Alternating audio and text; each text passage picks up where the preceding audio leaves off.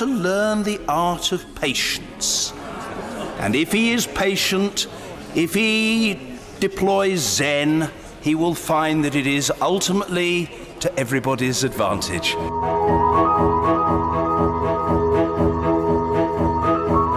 Hi, everyone. Welcome to the SRV podcast. My name is Armen Hakhverdian. I'm a political scientist at the University of Amsterdam.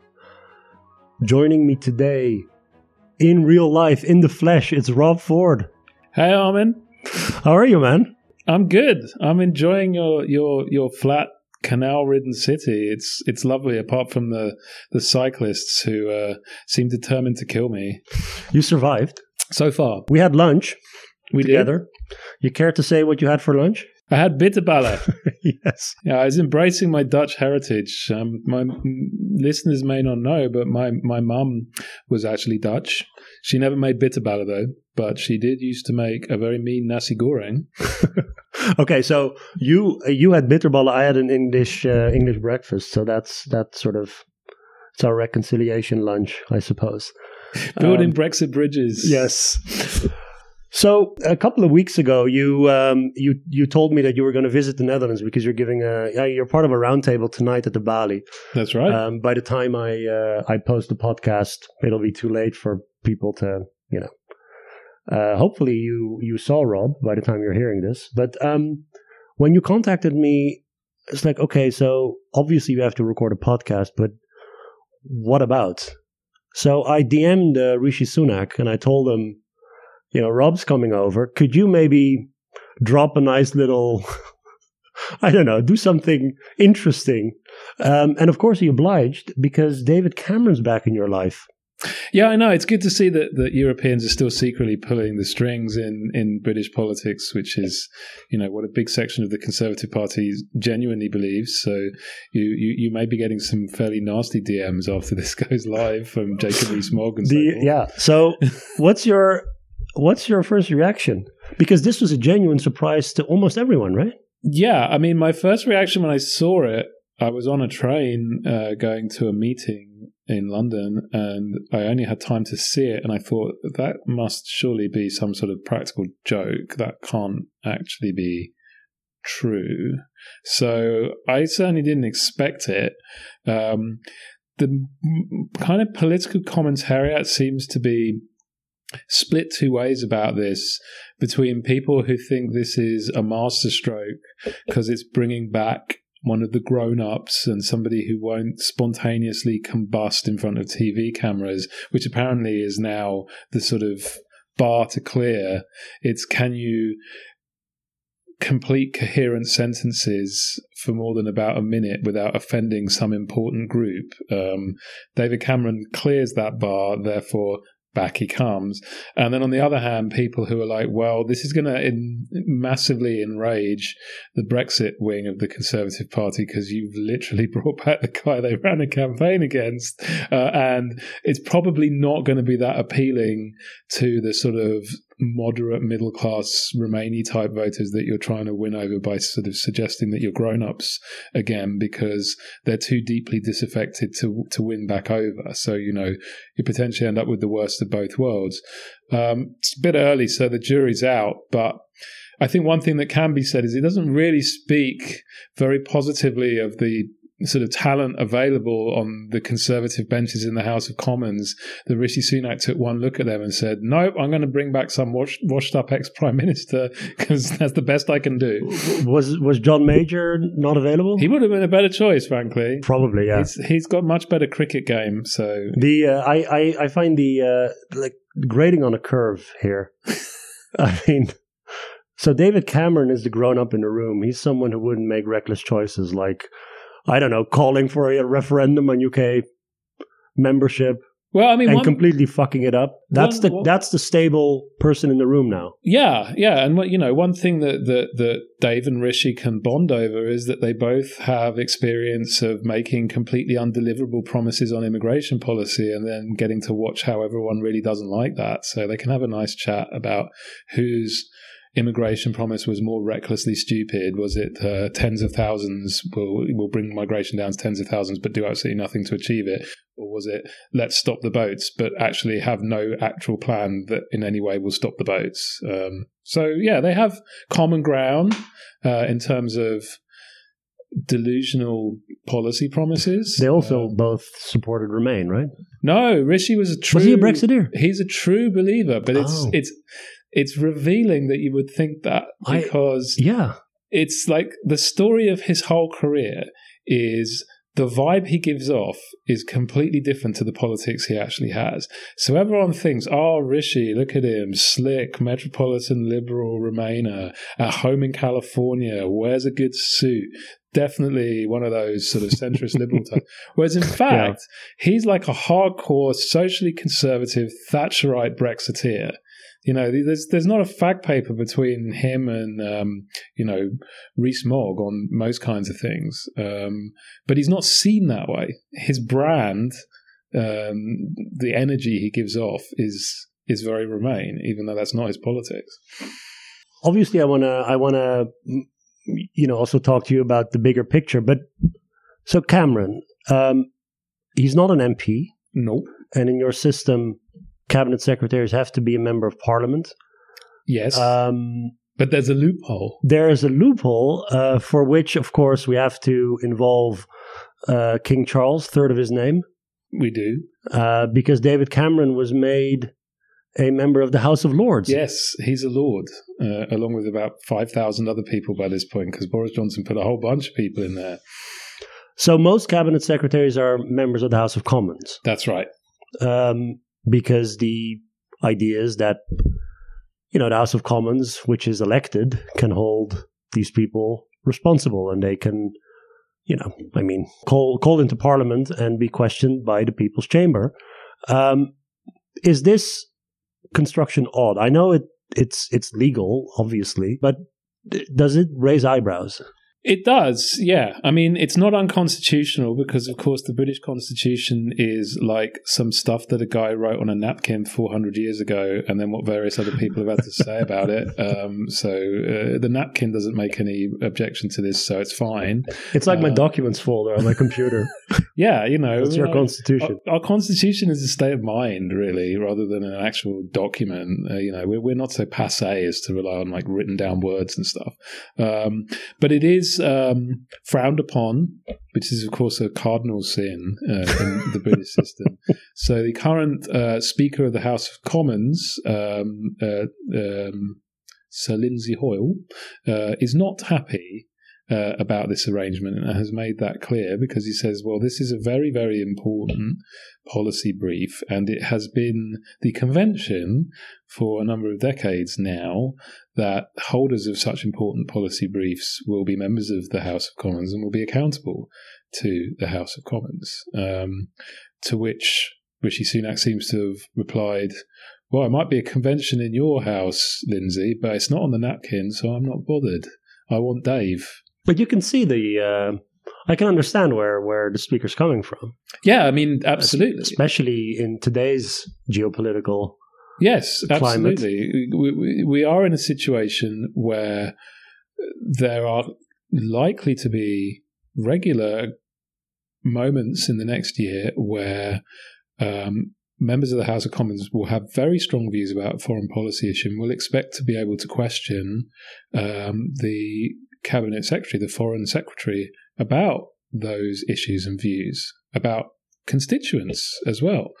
And they won't be able to. They'll have to speak to one of his ministerial bagmen, or if they're lucky enough to be on a select committee, they'll have to wait and speak to him on a select committee.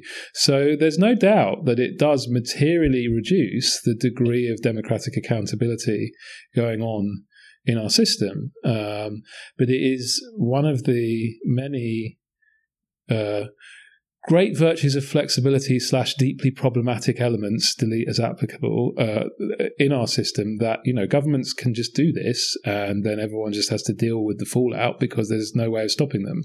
Because, you know, the, the one line version of our constitution is what the government says goes. Um, and this is an example of that. So David Cameron will will never be be called on the floor of the House of Commons to answer he, he can't questions. go in there. He, he can't go in. because he's from the other place, which because you, don't call it because obviously like we do twee things like that as well. Like it's Harry He'll leave his horse and carriage outside. They actually do that in the House of Commons. You know, if you look in Hansard, they actually they don't say the House of Lords because it would be like saying Macbeth to an actor. They say the other place, as they have been saying in the other place. What other place? Australia? No, the other other place. also, just to, to to remind ourselves that that of course this is the Conservative Party always puts such high value in the people and the people's voice that they appoint someone through this medieval loophole to be foreign secretary at a time of international crises and concerns over democratic accountability. Yeah, this is a party that, that believes deeply in the importance of respecting the will of the people, which is why they have a prime minister that's been elected by nobody, appointing a foreign minister who was ejected by everybody, and putting him in a house that's elected by nobody. It's very populist. I'm I'm trying to get you back into that mindset of a few years ago of utter despair because since I, I saw you a few hours ago, you have this hop in your step because we have elections in the Netherlands and things are interesting as they seem, and you kind of came here all high and mighty. I want I want to find that sort of pit of despair that you were in. Uh, oh no, I I just I've just got a much more relaxed vibe now. It's it's it's kind of like you know the worst has happened. You lose your job, you lose your house. It's like those bit in the Hollywood movies where you kind of sat in a deck chair on the driveway of the house that you've just lost, drinking a beer because it's like, oh well, it's all happened now. You know, I'm still here. so You want me to work myself up into a rage? There's, there's work to do on that. I'm I'm very zen.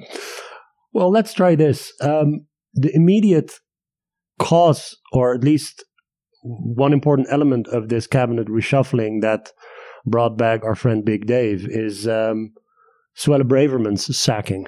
Oh well, that's a good that's a good line to go down if you want to get me riled. Yes. Um, So- yes. Uh, uh, explain to our listeners who have not been on top of British politics who Suella Braverman is and why she's been let go. Certainly. Uh, so Suella Braverman was the Home Secretary. So she's in charge of all the sort of home affairs elements, which includes immigration, law and order, security, the police, and all that kind of thing. Um, she got that job at the same time as Rishi Sunak uh, became Prime Minister. Um, having endorsed him, and the circumstances of that endorsement have been a bit murky, um, but she's had a lot to say about them since she got fired, uh, which was that apparently they had some sort of deal uh, that they'd done that was like written down and everything on the napkin. Um, and, um, you know, Rishi was going to do these things like stop the boats, and then these things didn't happen, and therefore Rishi has betrayed her. Um, so that's her account of things. Um, what she was is a politician who was wildly unsuited to the brief that she was given, and that was evident even before she took the job. There were a number of people who confidently predicted she would be out of the job within a year, and they were off by about a few weeks. Um, and the reason is quite simple: she is a rhetorical bomb thrower. She is incapable of stating things in a way that calms matters down. The only mode she has is polarize, polarize, anger, um, dismiss opponents, demonize. Uh, in the last few months, she has, for example, uh, called immigration an existential threat to the United Kingdom. Um, she is incidentally the daughter of immigrants, um, but you know those those were the good non-existentially. Of course, yeah. Um, she has, uh, I mean, there's a whole discussion to have there about how an ethnic minority politician has more cover to say these kinds of things than a white politician would have done. It's an interesting sidebar. Uh, she has uh, attacked the police as woke and biased against right wing people. She has attacked the BBC as woke and biased against right wing people. That one's less unusual for it's kind of a standard part of the Tory litany these days. But to attack the police as woke and biased against right wing people is rather unusual. She then whipped up an enormous moral panic. We, I don't think you have this in the Netherlands. In, in Britain, we have Remembrance Day, but we, it's a really massive, big deal. Uh, in in Britain. Uh, everyone in politics has to wear poppies, which is the symbol of the First World War. we have it on the Uh, fourth of May. Yeah, we, we, we I think we do that one as well, but the November one is the, the big. That's the big one, Thing. yep. It's the big, big, big thing in politics, in particular in politics on the right. You know, it's one of their massive sort of nationalistic ceremonies, very you know, sort of pseudo sacred at this point. You have lots of minute silences. You have the uh, ceremonies at the cenotaph. All the royals turn up, and all this kind of stuff. You know, big, big, big deal. And there was a march um, planned for not the day when they do all of the ceremonies at the cenotaph, but the day before. And not at the place where they do all the ceremonies, but about two miles away. And Suella Braverman said, "This is an unacceptable, um, you know, travesty, and it's trampling all over our sacred Remembrance Weekend traditions that you have a ceremony at a different time in a different place that I'm now going to announce is a really big deal that will really offend everybody and upset everybody, and it must be stopped." And then everyone in politics was like, "So are you telling the police?" What to do because actually, one of the things that is on the constitutional napkin is the police are independent and you don't tell them what to do because what do you call a government where the state tells the police what to do? You call it a police state. And isn't that something that you're supposed to be against? To which she said, No, no, no, no, I don't care. Going to do a big op ed in the Times where I basically call all the police woke and everybody who disagrees with me woke and essentially say if this um, march goes ahead, there'll be a riot. That's what she said in the piece. That there's a riot coming and everyone who disagrees with me is responsible. And then guess what happened? There was a riot, but it wasn't the riot she said there was going to be two miles away on the Palestine March. It was a riot of tanked up, Stella wielding, far right skinheads who heard all of this stuff and decided, right, we're going to basically appoint ourselves defenders of the cenotaph. So then everybody in Britain got to watch hours and hours of footage of a bunch of beard up, beer bellied skinheads attacking the police in order to get at the cenotaph right at the time when we were supposed to be doing the minute silence. Well done, Suella. Really good job. Not a good look. Not a good look. Yeah. So her gamble was I will predict, you know, like the Kaiser Chiefs, I predict a riot. and if the riot happens, I will be the hero of the Tory right. The problem is she predicted the wrong riot and ended up looking like an absolute tool. And then, as soon as it was possible to do so, literally 9:01 a.m. on Monday, because Rishi couldn't fire her on Remembrance Sunday, because again, that would be desecrating all of this stuff. You can't go around firing people on Remembrance Sunday. We must all be spending the whole day silently remembering. So he was there in his in his suit with all the other 78 ex prime ministers we now have, thanks to Brexit, in a great big long line. And then just behind them, there was Suella, looking very miserable. And then at 9:01 a.m. the next day, bye bye. What's I did wrong? get a bit more riled up. we're we're getting there. I like this. Uh, I'm gonna poke the bear a little bit more. Um, so so where does she fit in this, you know, ideological battlefield of the Conservative Party? Well, I think there are two ways of answering that question looking backwards and looking forwards. Looking backwards, she has for a while been one of the kind of most bombastic, highest profile members of the kind of ERG hard Brexit wing of the Conservative Party. You know, the, the, the kind of people who were saying no deal Brexit, um, you know, and, uh, basically calling for unilateral withdrawal from the Brexit agreement over Northern Ireland, and, basically just everything is just we do exactly what we want, and everyone else can can go away. Um, that sort of wing of the party, which you know is about half of the Conservative Party, um, much to the annoyance of everyone who isn't a Conservative. Looking forwards, and that is certainly why her endorsement was so important to Rishi, because although he actually is uh, uh, a dyed in the wool Brexiteer, as I mentioned, it doesn't give off that vibe, and so he's not really trusted by people in that camp. So he needed one of the true kind of Brexiteer Spartans, which is actually a good analogy because that's literally what some of them called themselves, uh, to say, "Yeah, this guy, great guy," and she did that. Um, but looking forwards, what all of this bomb throwing was about, aside from the fact that she literally has a motor mouth and is not capable of entering a room without starting an argument in it, uh, aside from that, she was put in this kind of stream of consciousness ideological megaphone to use with a particular goal in mind, which is there is fairly openly already a leadership contest going on within the Conservative Party because everyone in that party at this point expects they're going to lose the election. They all think Sunak will quit the day that happens and probably saunter off to California and run a venture capital firm or something. And then they want, you know, they, they want to be the one that presides over the smoking ruin of the car wreck of the Conservative Party. Um, she is trying to position herself as the candidate of the right wing of the Conservative Party because being the candidate of the right wing of the Conservative Party is probably getting yourself three quarters of the way into being the next leader the right wing candidate nearly always wins because of the members. Because of the, the members, mem- the members yes. vote. Because Yeah. it's worth explaining at this point how leadership contests work in the Conservative Party. There are two stages. MPs vote on the candidates in a kind of X Factor slash uh, Survivor type scenario. Normally, these days, you start with about 25 Conservative MPs running, including people where you go, who? Is he even an MP? I'd never heard of him. Uh, and they whittle it down round after round after round until only two are left. And then once the final two are there, they are put to a ballot of all of the Conservative Party members, which is roughly 150,000 people with an average age of about 68 uh, and political views somewhat towards the Margaret Thatcher. She was a bit of a radical socialist end of the political spectrum. Um, and those people then decide who becomes the next leader of the Conservative Party.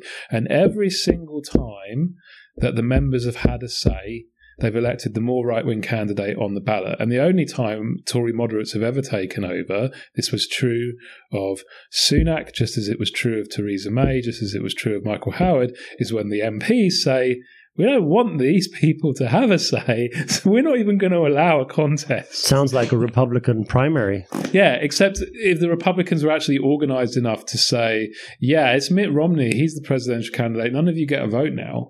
Um, of course, they never do. So, So, bigger picture, um, what's the current state of um, so Conservative Party in the sense that polling indicates a massive gap between Labour and the Conservative Party, but that sort of has been the case since Truss left, right? I mean, it was bigger when Truss was there, but but that's like that's simply a, a product of her like extreme dysfunction, even for conservative standards. But that gap is somewhere between 20 25% uh, the, the current the current state of the Conservative Party and the Conservative government is the "this is fine" dog meme.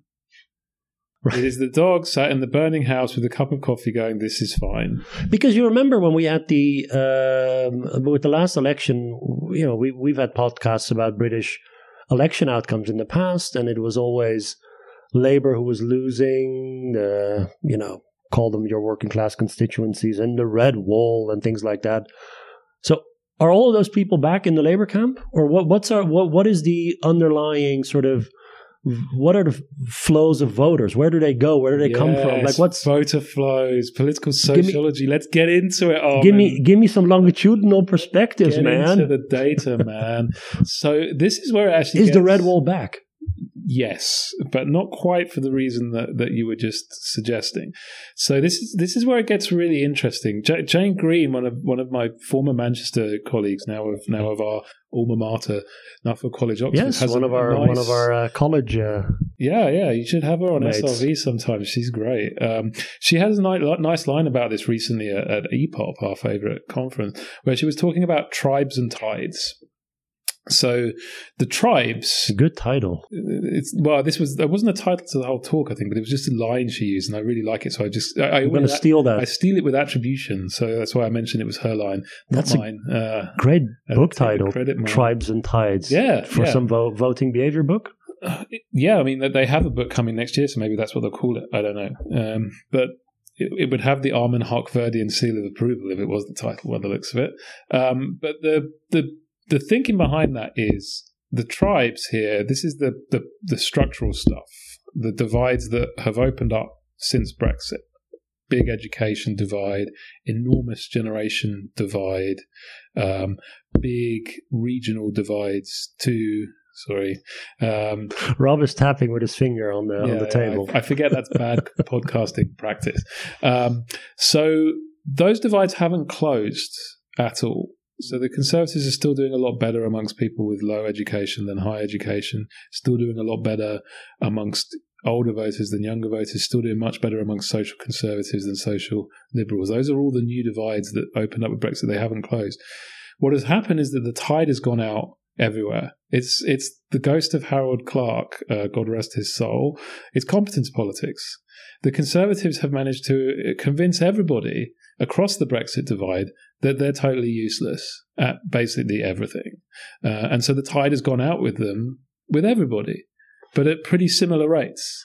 So the divides have remained largely intact. It's just the intercept, to use our sort of statistical language, has gone down. Their average level of support in every group has gone down, but the differences between groups are still there, um, which means they lose all of the red wall seats, not because Labour has closed the gap. They're still doing worse with those kinds of voters, but because the Conservatives were not far enough ahead with those kinds of voters to keep those seats. Most of those majorities are like 10, 15 points at most, so they all fall. But the problem is the Conservatives could also lose at the other end in the sort of home counties, the wealthier, prosperous, two Jaguars in the drive, five bedroom house type places in and around London, where they've actually been on the slide for two election cycles in a row. And they, the tide's going out with them with those voters as well. Um, the difference is those are not the kinds of seats they're used to losing. If you take the current polling, in fact, and project it onto our electoral map, you can get numbers that just look like, you know, the, the stuff of nightmares for conservatives, you know, down to 50 MPs, 60 MPs, or something like that. Results that haven't been seen since 1931, um, or indeed for the Conservative Party, haven't been seen ever since we've had, um, you know, mass voting. Uh, worse than the defeat in 1997 because the difference in 1997 was that there was a floor and they didn't go below it. So Labour were polling higher, but the Conservatives hit a floor and, and they had concentrated support in their traditional heartlands. They've lost that concentrated support. They've lost that floor. Just before I came here, there were three polls that showed them on 19%, 19%, 21%. If we were to go back in time in our DeLorean Armen, to 2019 and say that a year away from the next election, the Conservatives will be holding on to roughly four out of every 10 voters that they get at this 2019 election, I think past me, aside from being a lot angrier than present me, would, would engage in a lot of bitter laughter at the, the notion that that could happen so quickly. Past you would pick a fight with present you. Probably, yeah. He'd probably lay me out for so, sort of taunting him with that kind of ridiculous hope. So, how much of this is due to the uh, Tories repelling voters and Labour attracting them? Uh, this is a very good question. It's fairly clear that a lot of it is anti-Tory feeling. So um, voters really hate the Conservative Party now. Uh, if you if you ask people about the Conservative Party, its polling is just dire. It's like you know, it's like do you remember those polls they used to do in the US where they're like, which do you prefer, Congress or leprosy? That kind yeah, of thing. or, or it's a like that or kind a bucket of, of sick or something. Yeah, like that. exactly. That would- It's bucket of sick type level polling. People hate them. They also do dreadfully on competent. They're regarded as bad like people with bad intentions who favor the rich and bankers and you know whoever they're regarded as incompetent on every single issue. Their leader who was polling ahead of them has now sunk to the same level of polling as them. Sunak has now got like a net minus 45 approval rating which is the same as Jeremy Corbyn had going into the 2019 election. So their leadership is regarded as bad so basically, and and it's got to that stage, which which also happened in the run up to the '97 election, where if you poll like policy ideas that are popular, but then you say they're conservative ideas, their popularity just tanks because it's like, well, if it's a conservative idea, it must be bad. Um, so they're they're they're now so hated by a large part of the public that, that they can't actually even propose popular ideas because people just assume it must be a bad idea if they say it. Um, but on the other hand, Labour are not like they were you know, in the mid 90s, you know, when Blair was, you know, polling roughly the sort of levels that, that Jesus would poll in the second coming or something like that, you know, net positive approvals, the like of which we never see. Starmer is, is basically mediocre. He polls like minus 20. That's not a good poll rating. It's worse than Cameron had in 2010 It's way worse than Blair had in 97. It's worse than Major had when he won in 92. It's not a good poll rating. And people say they don't know what Labour is for. They don't have particularly strong positive feelings about Labour. They think that they're broadly competent.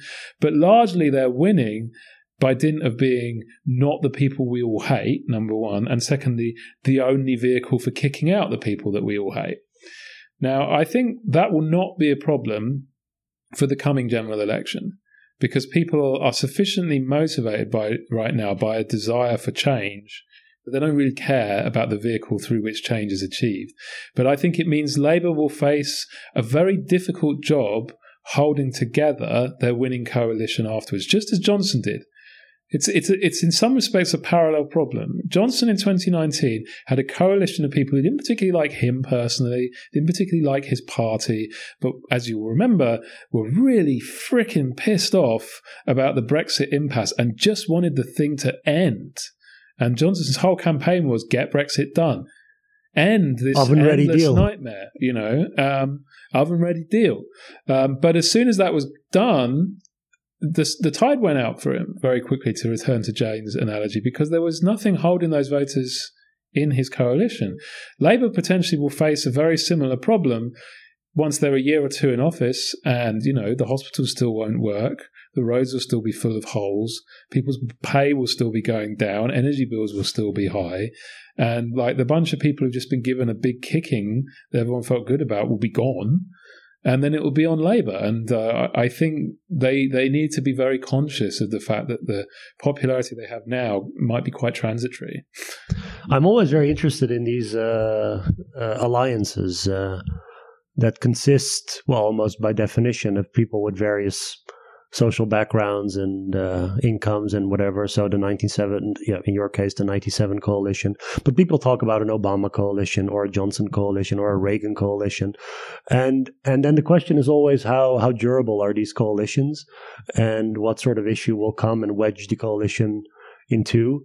Um, in 2019, part of the narrative was that Johnson was able to win some of these you know perennial labor seats because he also sold a brand of economic policy that was a bit more populist. Um, that hasn't really panned out, has it? No, no, it hasn't, and I, and I think it speaks to the kind of unique fused appeal that Johnson had.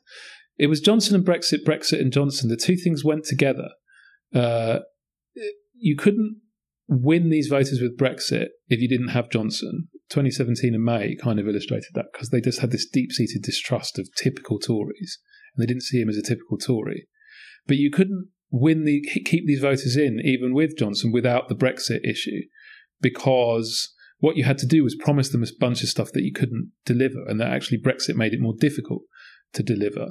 Um, so I think one problem was they didn't get, well, they certainly feel they didn't get all the stuff that Johnson was promising them. I mean, he he had the biggest spending manifesto of any conservative leader since Macmillan in 1959. This got overlooked by a lot of people because it was obviously always page two in a story that Macmillan was. Hang on, Macmillan was uh, second season of The Crown.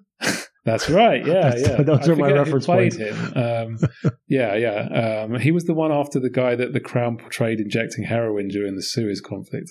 Uh, an incident I should make clear I do not think actually happened before well, anyone sues me for it. Yeah. Uh, so he was the successor to Eden. Yeah, he who who did play him in the Crown? Was, is it someone famous? I can't remember. I don't think so. Um, but the the reason I ask is uh, so let's say I mean it seems obvious, uh, barring any sort of I don't know unforeseen calamity or which can always happen because it's labor. But um, labor is going to win in a landslide. Uh, that probably means in some way they've been able to forge a coalition that's big enough to retake control and wipe away uh, conservatives. Probably, you know, they'll regain some of the votes that they lost in the past elections. And then the question is, how durable is that coalition?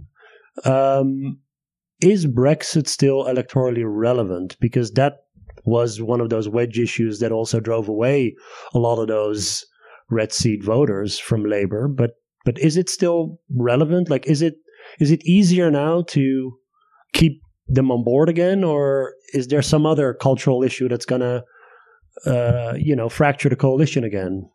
I mean, I think it is to some extent. I think there is some interesting, careful work to do about how its role is is changing, um, because you still have remarkably high shares of voters saying they identify with one of the two Brexit tribes, Leave and Remain. Um, the erosion that we've seen in that has come more on the Leave side which may just be because it's easy to rally around a losing cause uh, than it is to rally around a cause where you think you've won and you didn't, and it's been a disappointment and so on. So some Leave voters seem to be moving on or even switching their allegiance. We're seeing some elements of the phenomenon we've also seen in Scotland, where people switched to the SNP in reaction to Brexit and then became supporters of independence, having switched to bring their views into alignments. So they will remain, but no, and they became Remain and Yes. Uh, we're now seeing people going to Labour who will leave and then switching to Remain. So, you know, because of course these identities are not fixed characteristics, they're subjective allegiances. So we're seeing some of that going on. But even allowing for that, these are still clearly highly salient psychological sort of objects. People still think of Remain and Leave as meaningful social identities, meaningful heuristics for a bunch of differences between how people see the world, what sort of backgrounds they have, and stuff like that. And that's where I think the power will remain. Um, I should avoid the words remain and leave in this discussion. It's a confusing thing. But but I mean, you would have to sort of stoke the fire. Like I mean, th- these can be dormant identities. Yeah, I, I know that that probably for for the Tories it would be good to stoke the fire again because that's one way to maybe um, regain some of, the, or at least Labour would be foolish to talk about Brexit probably in the well, campaign, I, right? Or is it still? I think it's worth thinking about the realignment that Brexit produced, not just at the level of Leave and Remain, but at the level of the things that predict Leave and Remain. So the standard cultural stuff. Well, education, yeah. social values, generation um, Labour is now far more popular amongst graduates and the young than it ever was in any pre- in no previous winning coalition. This is a better way of putting it. Has been as reliant on the votes of university graduates or younger voters as the one that's likely to come in next year will be. Um, this will be a coalition of voters under 50 and of university graduates and of ethnic minorities. Those will be sort of the primary demographic predictors of membership of the Labour uh, electoral coalition. And the good news for Labour is those are all groups that are growing over time. So even if those allegiances weaken somewhat, that could be offset by demographic shifts. Uh, you know, you've got a smaller advantage amongst a, a, group that's got bigger, then you may still end up ahead. Um, on the other hand, I don't think any previous Labour government has come in to a more challenging policy environment than the election than this incoming Labour government will have. There are just more things on fire all at once than before, and there's no money, um, and there's no obvious way of producing any more money. So, on the one hand, on the tribes end of the scale, so to speak, this looks like a really potentially quite a potent electoral coalition, like like FDR's coalition in 32 or something like that. It's a bunch of groups that are, you know, combine them together, they're growing, they're more than enough to win a, a, majority. If you can hold that kind of coalition together, it will be really powerful. But on the tide side of the equation, a lot of those groups are quite loosely tied to Labour. Their partisanship levels are low, and there's lots of things that's potentially going to disappoint them about what Labour does. Uh, so the tide could go out. I, I actually think that the first, uh, and sorry, the final factor in this, of course, is because of our system, unlike your system with 78 little parties, you know, uh, it's like Ben and Jerry's. Which flavor of ice cream do you want politically? 78 flavors. Well, um, which flavors do you have, Rob, in the United Kingdom? You want to go there? Well, yeah, we, we, we, we have. Oh, you have a bucket of stale, sick. Stale and moldy bread and a bucket of sick. Those are the two traditional British cuisine options, and we love them. We don't want any, any better. Why should we want want better. Um, but, you know, because of our system only offering the stale bread and the bucket of sick, how the bucket of sick behaves is also important. So whether Labour has a coalition that sees two terms of office, more terms of office, depends on how the Conservatives react to defeat and how the public reacts to the Conservatives' reaction to defeat. You know, Labour could have a pretty dis- disappointing run in office, not solve very many problems, but if the public are like, yeah, that bunch of crazies that we chucked out, they're even crazier now, so we're definitely not voting them back in, then they could easily win a second term again. You know, it could be like 2001 in that regards, but just without the economic growth. Um, thanks so much for making the time to talk about politics again. Oh no, it's it's it's always a pleasure. I've missed this. On the record. Um, and uh, you, thanks for listening. Like, comment, subscribe, um, and um, I'll see you next time. Bye bye.